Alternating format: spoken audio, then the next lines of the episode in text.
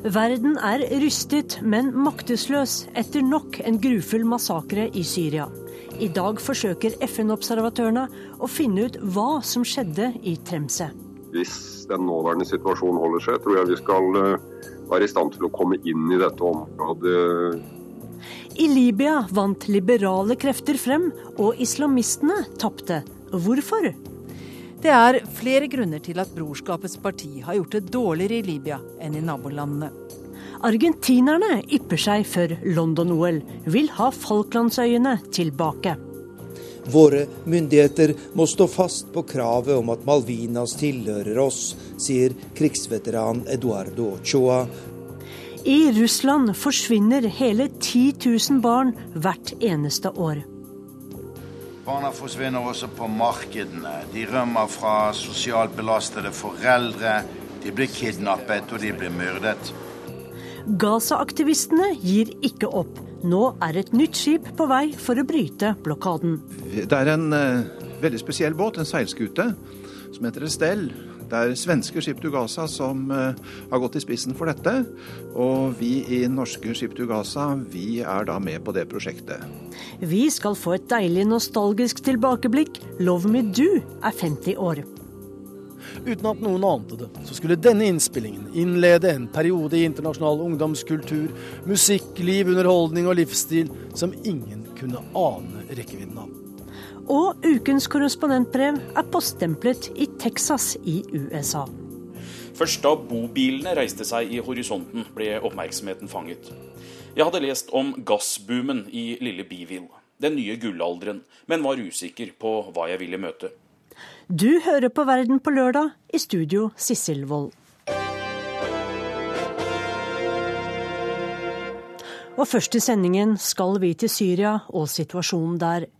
Ifølge syriske menneskerettighetsaktivister ble 118 mennesker drept i voldshandlinger bare i går. Og det dagen etter nyheten om at mer enn 200 syrere skal ha blitt massakrert i landsbyen Tremse i nærheten av Hama. Leder for FN-observatørene Robert Mood sier at de skal prøve å finne ut av hva som skjedde i Tremse, og i Dagsnytt 18 i går sa han. Så mens vi prater, så har jeg en patrulje nå i dette området.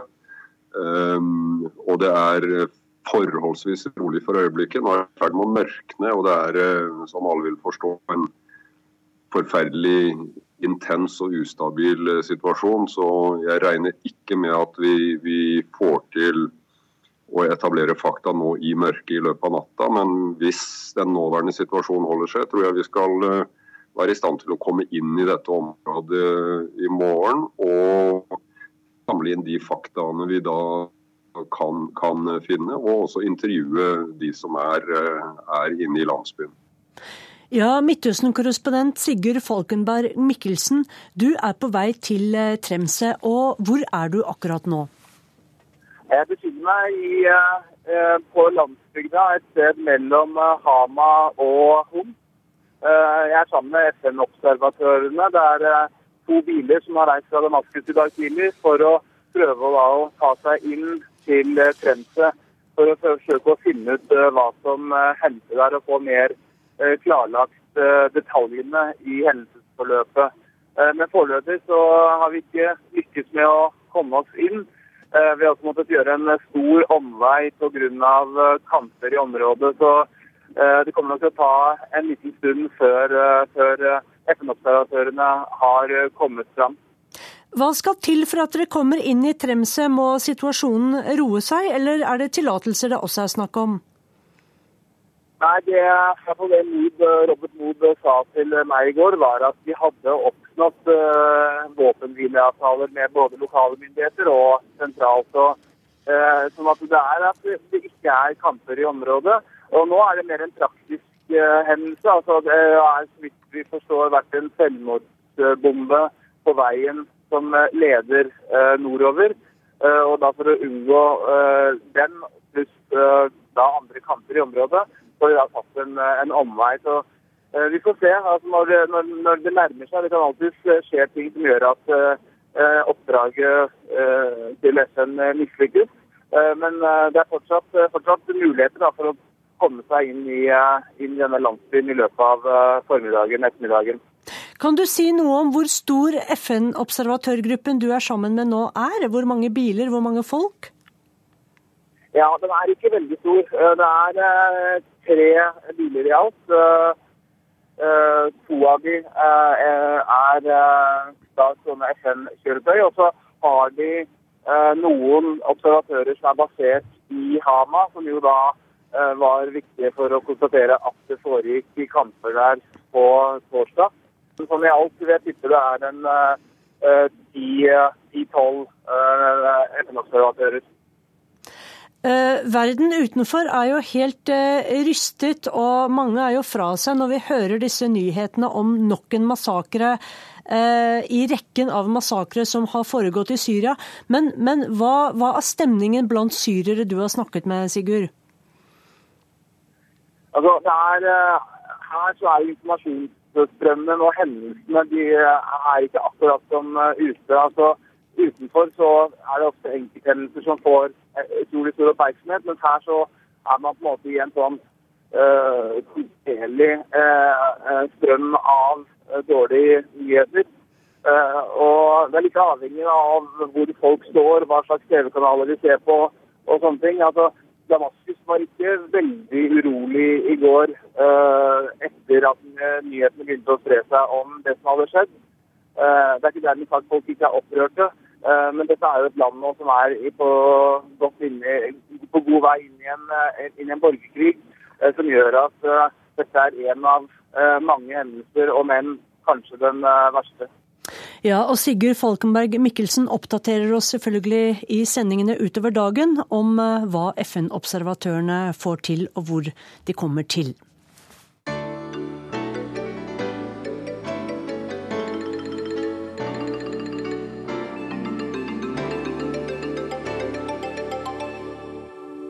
Fra Syria skal vi til Libya.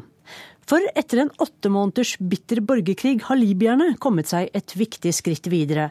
Nå har velgerne talt i sitt første frie, demokratiske valg. Overraskende ligger den liberale alliansen an til å vinne, og ikke Det muslimske brorskapet. Islamistene gjorde det godt i valgene i Tunisia og Egypt, men Libya ser ut til å gå sin egen vei. Vår utenrikskommentator Gro Holm har spurt seg hvorfor.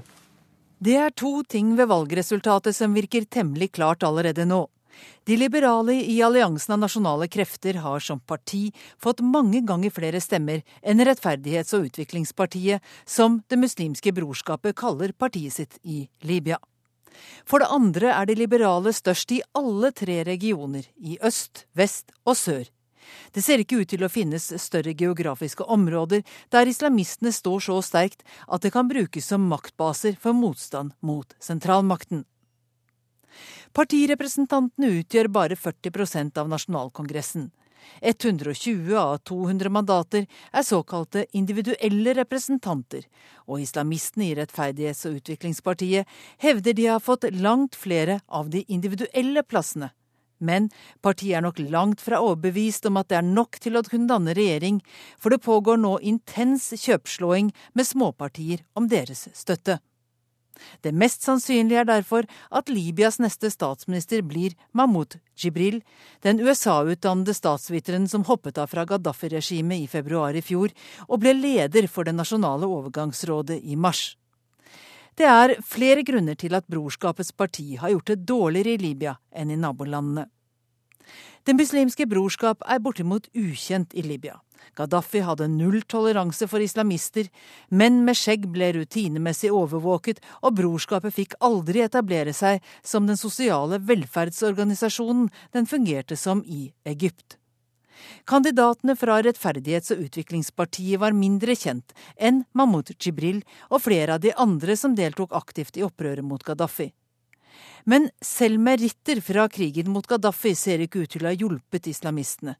Mannen som ledet kampene mot diktatorens styrker inne i hovedstaden, tidligere Al Qaida-medlem Abdul Hakim Belhaj, ser ikke ut til å lykkes med sitt parti. Han klarte ikke å bygge solide nok allianser med grupper andre steder i landet. Videre identifiserer libyerne seg sterkt med stamme og klan, mindre med religiøse fellesskap. Det store flertallet er sunnier, så det er lite vi mot dem-tenkning langs religiøse skillelinjer. Det muslimske brorskap forbindes med Egypt, og det har gått rykter om at Qatar bidrar med finansiering av libyske islamister. Det er ikke populært, libyerne ønsker å framstå som selvstendige, ikke noe haleheng til større naboer. Endelig, i Egypt hentet brorskapet mye av sin støtte blant lite utdannede velgere på landsbygda. Libya har til sammenligning en høyt utdannet befolkning der over 90% kan lese og skrive. Utenlandske observatører er positive på grensen til det entusiastiske over gjennomføringen av Libyas første frie valg. Det er ikke rapportert om alvorlige uregelmessigheter. Men andre utfordringer står i kø. Den viktigste er kanskje å bli enige om en ny grunnlov, fordi den skal legge grunnlaget for den framtidige fordelingen av makt mellom regionene og det politiske sentrum. Revolusjonens vugge, Syrenaika-regionen med regionssenteret Benghazi i øst, har mest olje. Men regionen fikk aldri noen tilsvarende politisk innflytelse under Gaddafi. Derfor ønsker mange i øst en føderal løsning med utstrakt selvstyre, bl.a. når det gjelder skatteinnkreving. Hva svarte så Libyas midlertidige regjering? Jo, den viste forståelse for kravet om mer innflytelse. Annet får hver av Libyas tre regioner like mange representanter i den framtidige grunnlovskomiteen, selv om folketallet er dramatisk mye mindre i øst og sør enn rundt Tripoli. Libyas overgangsregjering mangler et av de viktigste kjennetegnene på statsmakt, nemlig kontroll over landets væpnede styrker. Regionale militsgrupper har flere tusen soldater under våpen, men de har brukt sine styrker til å opprettholde ro og orden, og har stort sett latt være å utfordre den sårbare overgangsregjeringen. I ett ord Libya er annerledes.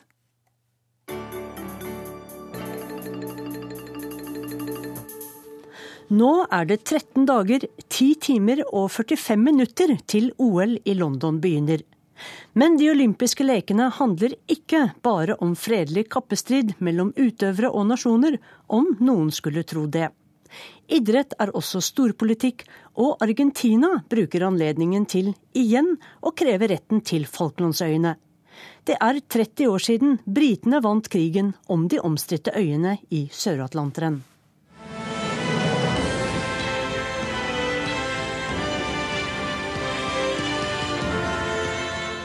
En ny krig er i gang mellom Argentina og Storbritannia om Falklandsøyene i Sør-Atlanteren. Men denne gang pågår kampene på internett. Og akkurat som for 30 år siden var det Argentina som løsnet det første skudd, med en video som har provosert britene kraftig.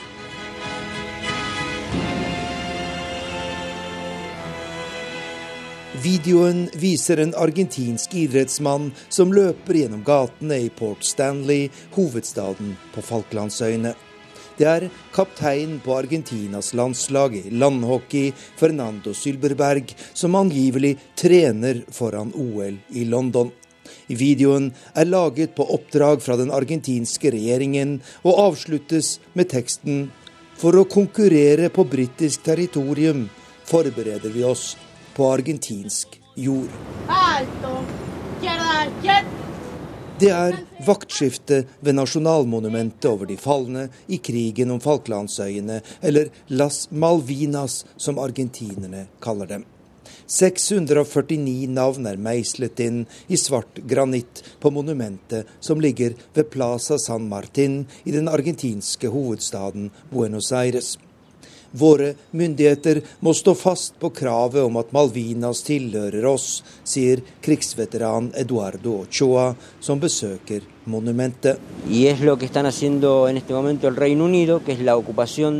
Storbritannia okkuperer vårt land, og argentinske myndigheter gjør rett i å kreve at øyene blir levert tilbake. Historisk og geografisk tilhører Malvinas Argentina, men det er viktig at vi aldri mer griper til våpen, sier krigsveteranen. I krig er det bare tapere. Unge mennesker dør på en meningsløs måte, og jeg vil aldri mer bli brukt i et militært eventyr om Malvinas, slik vi opplevde for 30 år siden, sier han. Las Malvinas, Argentina. Det argentinske militærregimet invaderte Falklandsøyene våren 1982. Men Argentina ble påført et ydmykende nederlag da britene slo tilbake i en krig som ble avsluttet i juni samme år. Men for dagens argentinere handler det ikke om militærregime. Det handler om dype nasjonale følelser og det de ser på som en historisk urett. Derfor har landets president Christina Kirchner befolkningen bak seg når hun de siste månedene har iverksatt en kraftig kampanje mot det britiske herredømmet på øyene.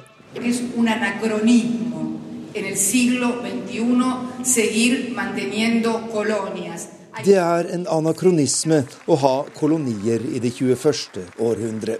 I dag finnes det bare 16 kolonier i hele verden, og britene har herredømme over flere av dem, sier president Christina Kirchner under et møte i presidentpalasset i Buenos Aires. Argentinske myndigheter satser nå på å få til en internasjonal fordømmelse av Storbritannia i Falklandskonflikten, og har brakt saken inn for FNs komité for avkolonisering, der de anklager britene for en uansvarlig miljøpolitikk og for rovdrift på naturressursene i Falklandsområdet, i første rekke olje og fisk. Men den argentinske kampanjen har foreløpig gitt magre resultater. Britene nekter å følge FNs oppfordring om å innlede samtaler med Argentina om retten til Falklandsøyene. I stedet vil de holde folkeavstemning på øygruppen neste år for å kunne vise at beboerne der ønsker å forbli britiske. Og de har kommet med en offisiell protest på OL-videoen der argentinerne krever retten til øyene. Den argentinske OL-videoen har også irritert mange vanlige briter. En av de mer datakyndige har greid å hacke en utgave som ligger på det kjente nettstedet YouTube, og i den nye utgaven er budskapet et helt annet. Der presenteres den argentinske idrettsutøveren som en britisk OL-deltaker med navnet John Ward, og en tekst som lyder slik. For å konkurrere på britisk jord trener vi på britisk jord.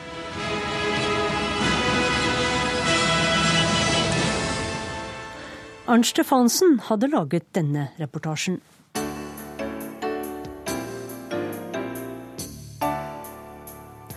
Vi skal østover og til en uhyggelig statistikk. For i Russland forsvinner hele 10 000 barn i året. Moskvas enorme nett av travle metrostasjoner, der banene kommer i ett sett, er ett av stedene barn stjeles fra foreldrene sine. For i mylderet kidnapper noen små barn.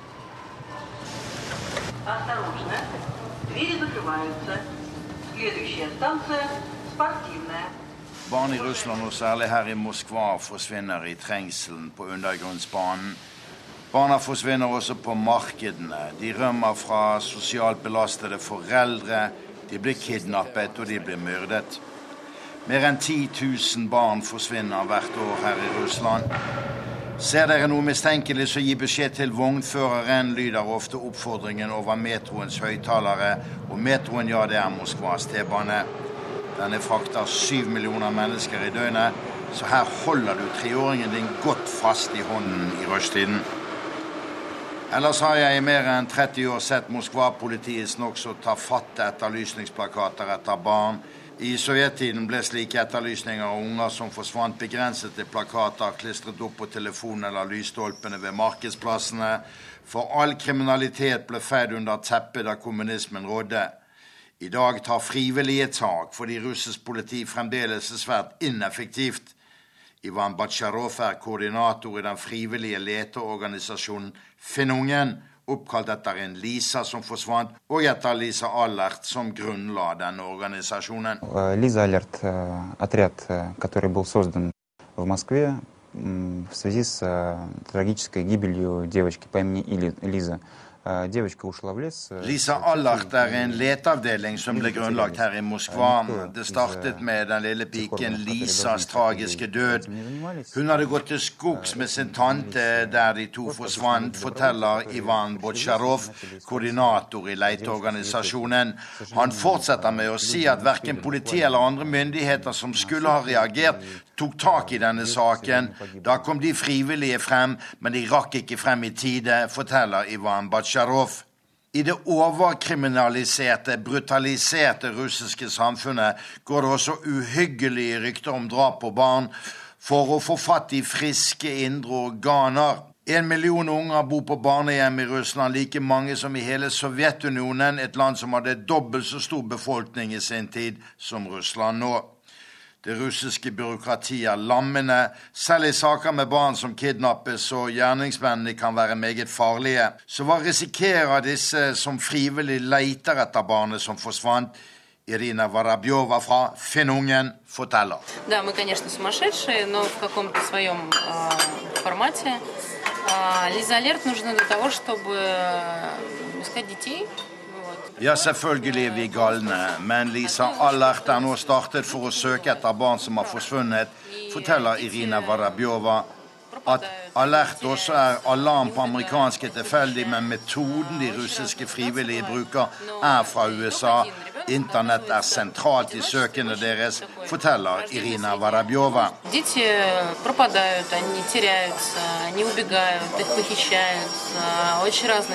Barn Ungene rømmer, de forsvinner, og det er mange scenarioer, forteller Irina, som forklarer behovet for frivillig innsats med dette særtrekket ved det russiske samfunnet.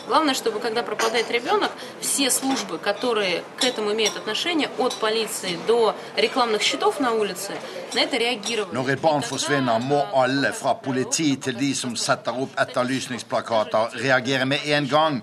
Selv bortførte barn kan reddes lettere dersom det reageres momentant. Vår erfaring viser at kidnapperne da lett skremmes og slipper barna som er tatt. Men dessverre er det vanskelig å få et slikt system til å virke her i Russland, for dette forutsetter at alle henger i og jobber. Slikt er det langt fra alle som forstår her i Russland. Men vi prøver å samarbeide med politiet, katastrofeministeriet og Dumaen. Men ikke bare politiet. Vanlige mennesker her i samfunnet må også reagere, sier Irina Varabjova i den russiske organisasjonen Finnungen.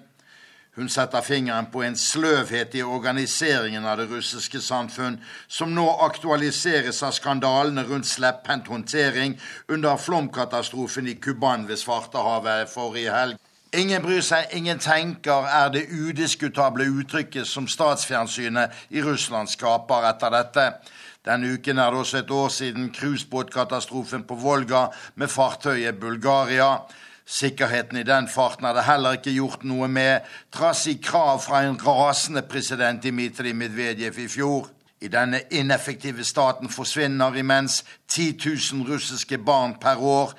Et uhyggelig tall i et land hvor parolen stadig og selvskrytende lyder alt for barna i de pompøse og offisiøse festtalene fra Putin-administrasjonens side. Det rapporterte Hans-Wilhelm Steinfeld fra Russlands hovedstad Moskva.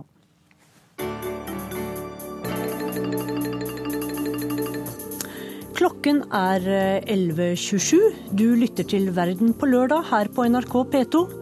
Vi har hørt at FN-observatørene i Syria er på vei til Tremse for å finne ut hva som skjedde under den siste massakren.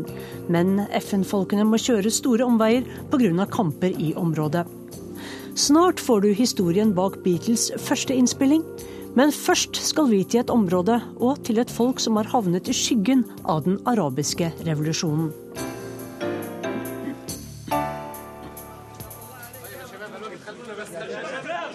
Ambulansefolk fra den palestinske Røde halvmånen er kommet til et åsted. En militant Hamas-mann er drept i et israelsk angrep. Den døde fraktes av gårde for å gjøres klar til begravelse. Det er ikke mange som bryr seg om hvor mange som dør på Gazastripen lenger, eller hva som skjer med den mer enn 1,5 million mennesker som lever bak murer uten noen fri, frihet eller fremtid. Helt imot sin egen vilje er Gazas befolkning gjort til sosialklienter, mottakere av humanitær hjelp. Men selv om den arabiske revolusjonen og blodbadet i Syria tar verdens oppmerksomhet, så finnes det folk som nekter å la Gaza-palestinerne i stikken. På tredje år på rad arrangerer aktivister nok en flåte som skal seile mot Gaza. Torstein Dale er en av organisatorene, og han forsøker å komme seg til Gaza for andre år på rad. Og Torstein Dale, hva slags båt er det dere har fått tak i nå i år? Det er en uh, veldig spesiell båt, en seilskute, som heter Estelle. Det er svenske Skip Gaza som uh, har gått i spissen for dette. Og vi i norske Skip Gaza vi er da med på det prosjektet.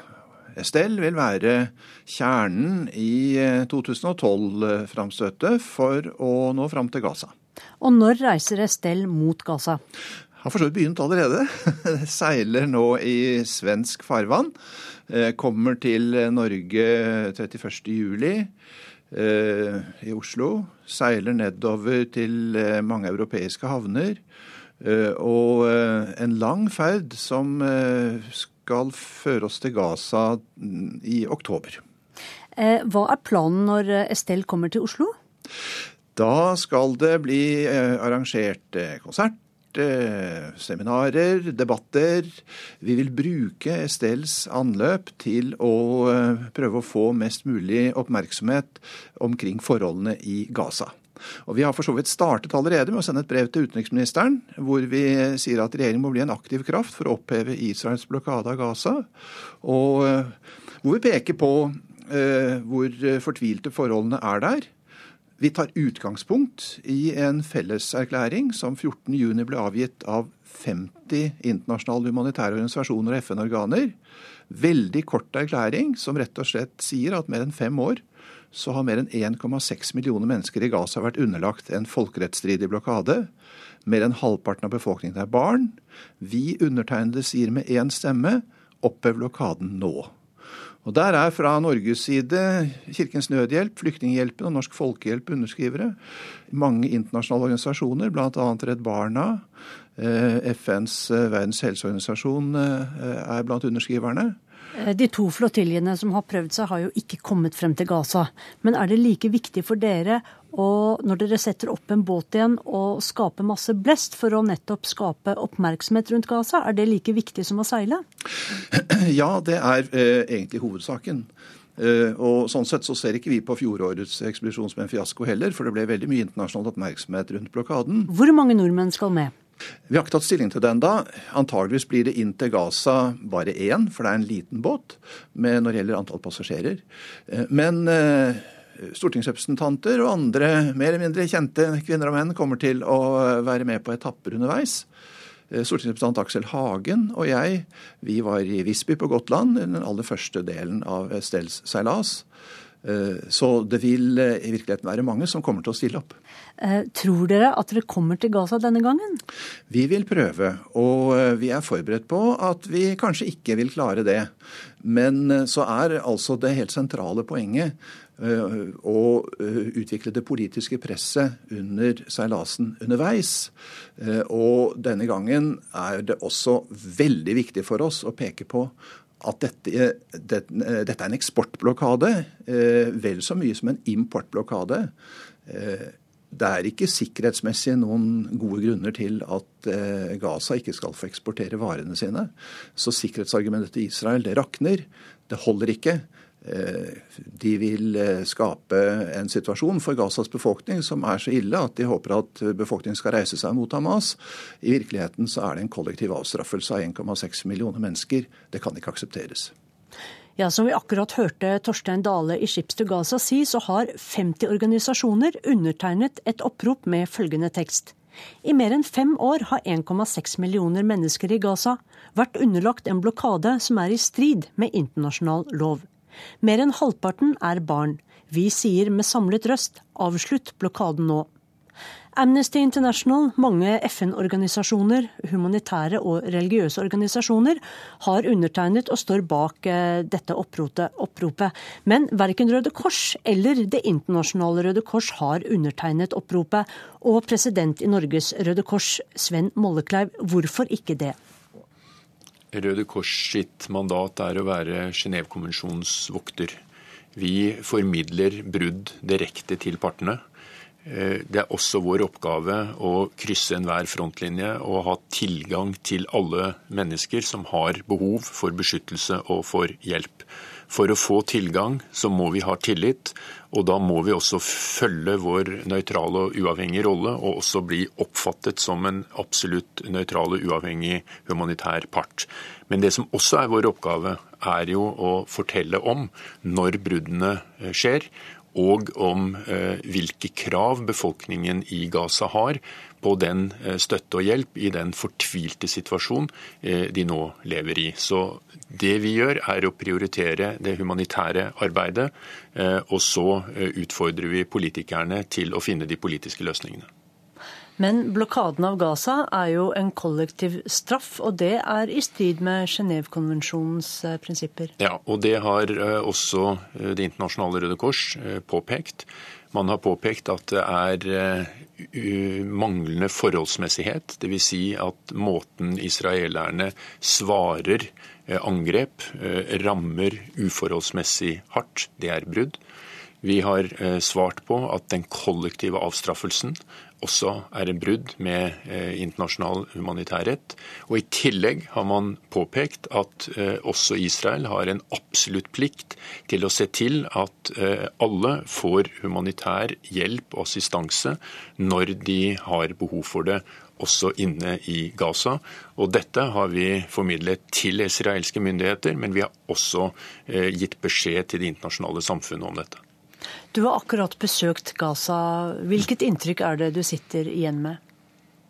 Det første fortvilte inntrykket er jo at du kommer ut av en eh, by hvor 1,6 millioner mennesker er fengsel i sin egen by, og at eh, verdens oppmerksomhet eh, om denne situasjonen langt på vei er borte. Inne i denne byen treffer jeg f.eks. Wafi, en eh, liten gutt på fem år, som eh, i mars ble rammet av en eh, granat. Hans bror dør da de er ute og leker. Wafi blir selv hardt såret. Blir fraktet av palestinsk Røde Halvmåne til sykehuset, som nå er godt operativ. Eh, avansert, komplisert operasjon som gjør at han nå fysisk langt på vei er blitt frisk, men hvor han er så traumatisert av denne opplevelsen at han hver eneste dag gråter og gråter. Det rammer hele hans familie, det rammer hans lokalsamfunn, og er en illustrasjon på at eh, denne befolkningen sitter nå inne og ikke får mulighet til å leve trygge og verdige liv, og ikke får sjansen til å på en måte leve sammen med omverdenen fordi de eh, blokkeres eh, slik det nå er. På giverlandsmøtet for gjenoppbyggingen etter Gaza-krigen, da jo den israelske hæren hadde bombet og ødelagt flere tusen hus, så ga det internasjonale samfunnet rundt 30 milliarder kroner. Eh, og mye av dette skulle jo gå gjennom Røde Kors. Eh, lenge var det jo snakk om at det ikke kom inn noen ting, og hjelpeorganisasjonene ikke fikk jobbet. Men har, har dere sett noe til pengene i Røde Kors? Vi er glad for å kunne formidle at de pengene som har kommet gjennom Det internasjonale Røde Kors-komiteen, eh, har kommet til stor nytte. Sykehusene som ble bombet, ødelagt, er blitt eh, rehabilitert, er bygget opp. Avansert utstyr eh, er på plass. Eh, de personene som Erik Fosse og Mats Gilbert sto og opererte sammen med, har nå utstyr som gjør dem i stand til å utføre avanserte operasjoner. Vi ser at helsesentrene er blitt bygd opp. Sentre med psykososiale kapasitet for å bistå også traumatiserte barn og unge. Eh, arbeid for funksjonshemmede. Men også investeringer i å forbedre vannforsyning, eh, kloakksystemene. Eh, og andre helt nødvendige helsetjenester er blitt rustet opp. Men den store utfordringen ligger jo i hvordan befolkningen eh, hver eneste dag kan leve eh, uten frykt for eh, nye angrep, uten frykt for å på nytt bli rammet, men med muligheter for å kunne handle med verden på utsiden selv. Så vi snakker om mer om verdighet i liv enn bare retten til å overleve, altså retten til å leve. Takk til Sven Mollekleiv, president i Norges Røde Kors, som kunne fortelle oss om noen lyspunkt fra Gaza, der han var for kort tid siden.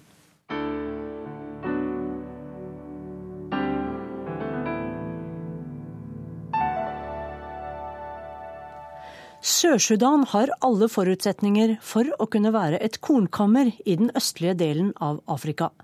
Men nå trues Sør-Sudan også av matmangel. Etter at oljeproduksjonen stanset for et halvt år siden, har ikke den nye nasjonen lenger valuta til å kjøpe og importere maten som innbyggerne trenger. Afrikakorrespondent Lars Sigurd Sunnanå har nettopp besøkt Sør-Sudans hovedstad Juba. Det ble jublet, sunget og danset da Sør-Sudan markerte sin ettårsdag som selvstendig nasjon tidligere i denne uken. Men feiringen og begeistringen kunne ikke sammenlignes med de euforiske gledesscenene som utspant seg 9.7 i fjor, da uavhengigheten og løsrivelsen fra Sudan var et endelig faktum.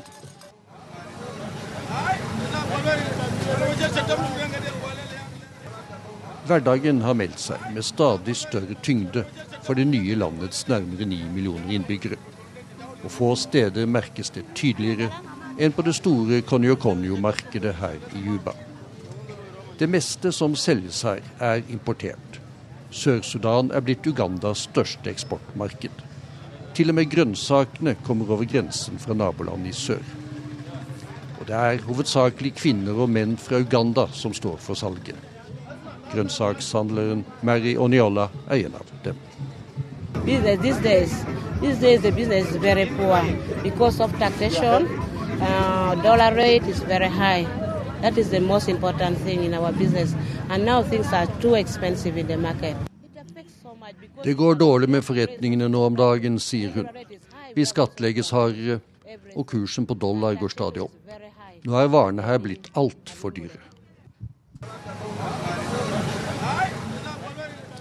De er det for folk flest i Juba og ellers i den nye nasjonen.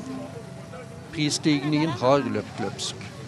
I mai lå inflasjonen i Sør-Sudan an til å bli 30 på årsbasis. I juni viste tallene 80% Galoppen har fortsatt også denne måneden.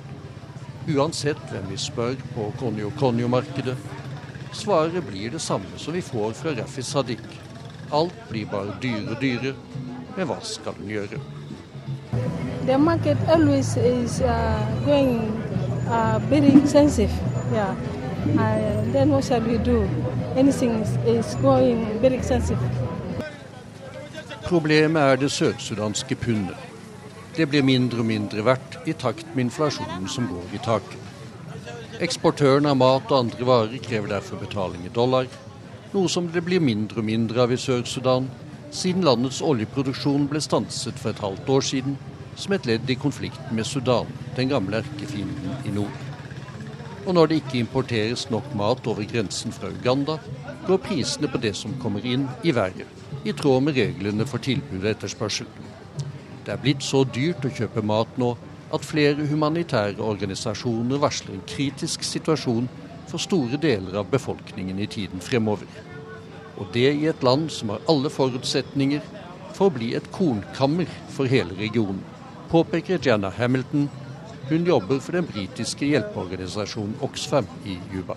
If you, you spend some time in this country and you, you head out into the, into the countryside and the rural villages, you'll see that the land is incredibly fertile. There's good rainfall in, in some parts of the country. Om du blir her en stund og drar ut på landet til landsbyene, vil du se at jorden er utrolig fruktbar, og at det er rikelig med nedbør, sier hun. Sør-Sudan har virkelig et enormt potensial i jordbrukssektoren.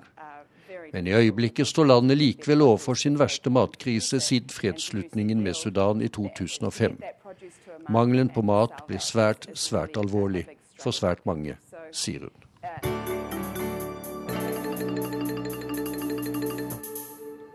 Dagens korrespondentbrev er skrevet av Anders Tvegård og sendt oss fra Texas. Det er noen steder her i USA som går motstrøms. Jeg tenker ikke på turistmagneter som New York, Chicago, Four Corners, Las Vegas og Los Angeles. De har sikkert nok å stri med. Men heller tettsteder som virker immune mot arbeidsledighet og nedgangstider. På overflaten i alle fall. Søvnige Beeville i Texas er et sånt sted. De har de to siste åra fått trafikklys, rushtrafikk og KORK. Route 59 skjærer gjennom den støvete cowboykommunen. Det er tilsynelatende ingen større grunn til å stanse her enn i andre byer på strekning 59 mellom Canada og Mexico. Den avgiftsfrie motorveien er en av de travleste og splitter USA omtrent på midten. I Beeville er man stort sett eh, samkjørte på alle vis. Jeg hadde vært bak rattet i timevis uten å være grepet av spesielt vakker natur eller variert landskap. Flatt, jorder, rancher, stepper, oljepumper, flammetårn. Først da bobilene reiste seg i horisonten, ble oppmerksomheten fanget. Jeg hadde lest om gassboomen i lille Beeville, den nye gullalderen, men var usikker på hva jeg ville møte.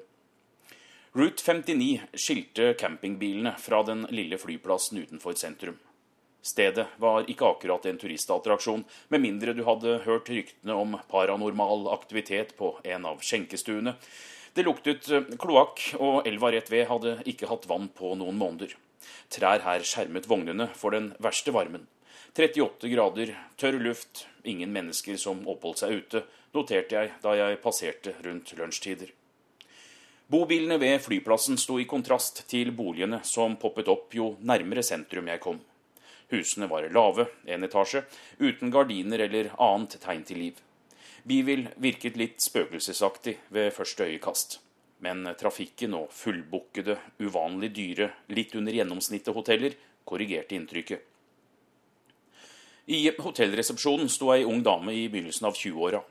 Brianna hadde jobbet der siden hotellet ble oppført for to år siden. Fortsatt var det en slags byggeplass, fordi en konkurrerende kjede skal opp ved siden av. Husene du så langs 59 er ikke forlatt, sier hun. De er nye. Så med en entusiasme og forventning i stemmen.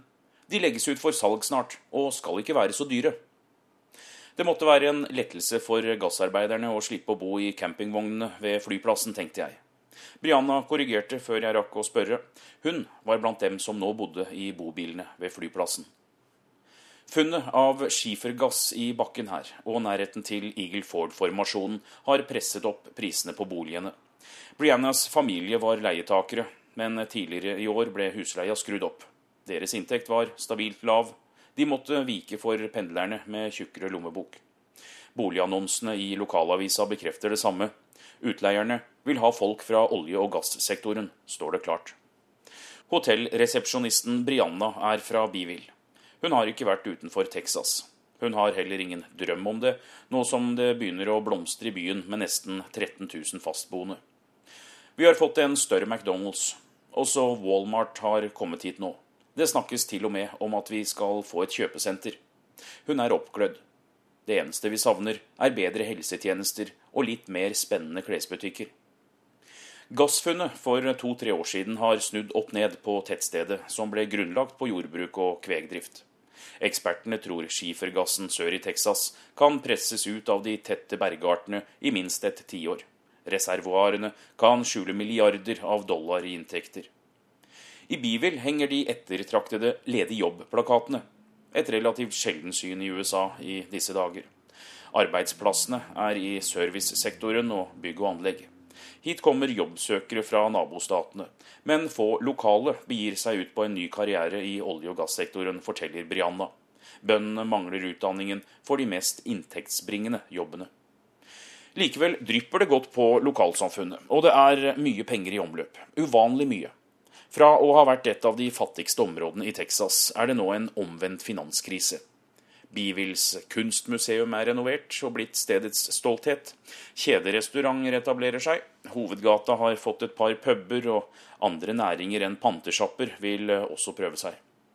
Det mest oppsiktsvekkende er at en av de lokale bankene må si nei til nye innskudd De har problemer med å låne ut penger. Jeg trodde nesten ikke hva jeg hørte fra Miss Nixon. Vi tjener ikke på bankdriften, gjentok hun. Vi oppfordrer kundene til å kjøpe seg en ny bil, et nytt hus eller noe de alltid har drømt om. Hva som helst, bare de tar opp et lån, slik at også banken får inntekter. Kundene hun refererer til, er de store gårdeierne. Miss Nixon er i 70-åra og sitter i bankens styre. Hun er pensjonert cowgirl. Det var ikke mye profitt i, i, det. Da olje- og gasselskapene ville starte leteboring på hennes land for to år siden, var det ingen vanskelig avgjørelse. På 1950-tallet var det olje i nabolaget, men ikke på hennes eiendom. Nå sitter hun på 20 kvadratkilometer rett over skiferformasjonen. Hun leier ut en tredel av tomta til energiselskapene. Kveg erstattes med tungtransport. Selskapene borer brønner eller bygger brakker for å huse arbeiderne, der oksene gresset og hestene gikk fritt. Penger pumpes inn på kontoen, lysekronene vaier ofte. Det er vel egentlig strålende, jeg kan ikke si noe annet, sier Miss Nixon. Kvinnen er blitt mangemillionær først i pensjonsalderen, men øynene forteller at hun har mer på hjertet. Hun snakker litt lavere, slik at nevøen, den kommende arvtakeren, ikke får høre sutringen.